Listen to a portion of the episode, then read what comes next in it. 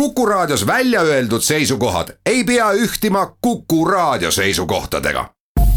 Te kuulate Kuku Raadiot.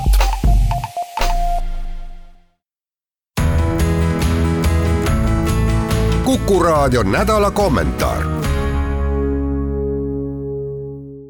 tere, mina olen Kivisildnik ja ma räägin teile täna okasjonalismist.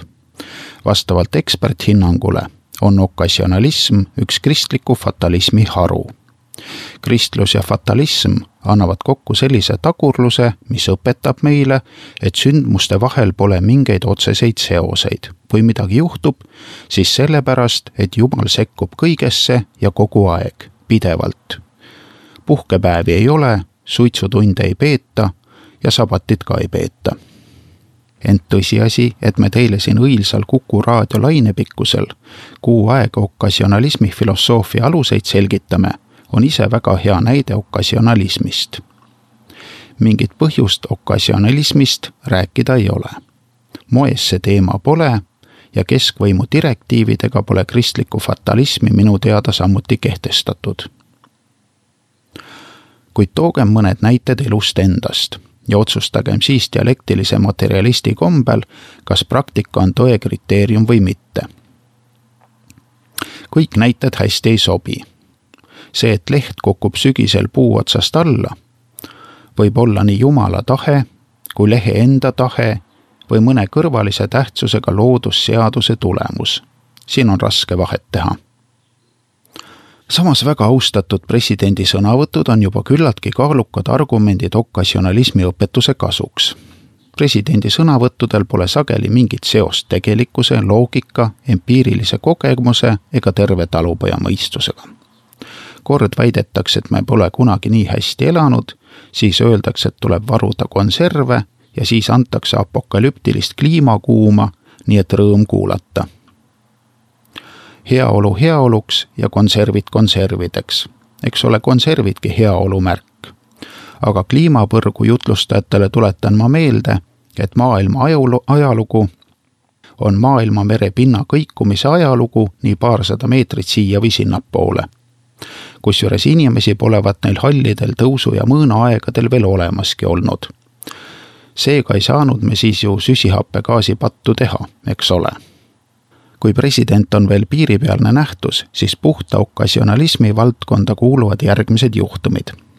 esiteks läks üks tädi politseisse ja kaebas, et teda ja tema koera loopisid inimsoovaenlased kividega. nüüd on ta ka ise kohtu all valetunnistuste andmise pärast. kuidas see sai juhtuda? jumal sekkus ja tõstis tädi Stroomi rannast ei tea kuhu teine tädi oleks justkui teaduse saavutusi arvestades Riigikogu arvutist raha üle kandnud ja seadusega pahuksisse läinud, aga taas sekkus meile juba tuttav Jumal ja asetas Riigikogu arvuti taha mingi asjasse üldse mitte puutuva tädi või ei tea kelle ja nii ei õnnestunudki auväärset süüdi mõista. kindel juhtum, mida saab seletada ainult okasjonalismi vaatepunktist. Need on muidugi üksikjuhtumid, kuid me tunneme ka massilise okasjonalismi puhanguid värske näide on elektrivalimiste ajaks surnust ülestad, üles äratatud kooljad. arvestades meie kuulikindlat valimissüsteemi ja kuulikindlaid valimismasina operaatoreid, saab tegu olla ainult jumaliku sekkumisega. meie zombidemokraatia edusammudega võrreldes on kodanik Laatsaruse reanimeerimine suht hale performance kui vaadata okasjonalisti läbinägeliku pilguga meie alkoholiaktsiisi poliitikat või Rail Balticut, Iraagi sõja hämaraid asjaolusid ehk Merkeli kaubamärgiks kujunenud värinaid või siis maavärinaid Ühendriikide nendes piirkondades, kus maa nagu kuidagi väriseda ei saaks, siis saab ikka küll.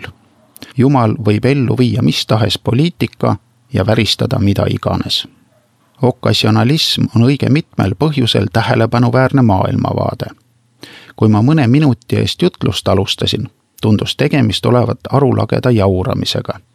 Õnneks leidis Jumal vahepeal võimaluse sekkuda. teiseks aitab okasjonalism meil maailma asjadest ja inimese peades toimuvas orienteeruda. okasjonalistidele võib vastu väita, et kuidas saab meid aidata õpetus, mis ütleb, et kõik on segi nagu pudru ja kapsad ning mingit loogikat ei ole ja millestki aru saada ei ole võimalik. Pigem on nii, et kui me teame, et mingeid põhjuslikke seoseid ja mõistusega hoomatavaid seaduspärasusi ei ole, siis me ei otsi neid. seega me ei lähe nende puudumise pärast stressi ning säästame kokkuvõttes nii aega kui närvi. kas okassionalism viib pessimismi ja lootusetuseni? ma väidan, et ei vii kohe mitte kuidagi pessimismi ja lootusetuseni. vastupidi, okassionalismis peitub meie ainus lootus. Kui Jumal võib igal hetkel sekkuda, siis on elu pigem loterii kui palgavaese palgapäev. Jumal võib su üle kullata, tööandja seda kindlasti ei tee millest järeldub, et lotopileti võib ikka osta, tööle minna pole aga vähimatki mõtet. kolmandaks võime me maailma okasjonalistlikku masinavärki vaadates olla tunnistajaks lõputute imede paraadile. seega on meie elukvaliteet hüppeliselt kasvanud. On suur vahe, kas vaadata ümbritsevale, ah ikka seesama nõme jama või oo, milline uus ja suur ime on sündinud pilguga. mina isiklikult eelistan imet kohutavale jamale ja neljandaks võime me Jumala tegevust analüüsides teha järeldusi Jumala iseloomu ja töövõtete kohta. väikese vahelepõike korras. kui president soovitas keerulisteks olukordadeks valmistuda, hakkasin ma kohe toova, tooma evangeeliumit lugema ja palvetama. ärge teie kindlasti tooma evangeeliumit lugege, palvetamisest piisab. Tooma evangeeliumi kõige kuulsam koht on see, kus Jeesus avaldab Toomale oma salajase õpetuse. Teised jüngrid uurivad pärast Toomalt, no mis ta sulle ütles, mis ta mulle rääkis, vastab Toomas. kui ma teile sellest kas või ühe sõna ütleksin, hakkaksite te mind kividega loopima ja kividest kargaks tuli välja ja põletaks teid ära. ühesõnaga, pole tähtis see jutt läheks niikuinii ainult segasemaks, sest Süüria ja Egiptuse varakristlastel oli lisaks kurjale demiurgile Vatikani kaitsealalt ka palju paremaid jumalaid usume ja loodame meiegi, et ülalmainitud sekkuja on Jumalate kaubamaja kvaliteettoode ja sel kombel saab veel Eesti Energia Utahi ja Jordaania projektidestki tasu, kasu tõusma, nagu ka põlevkivielektrikraanide kinnikeeramisest. kuku raadio nädala kommentaar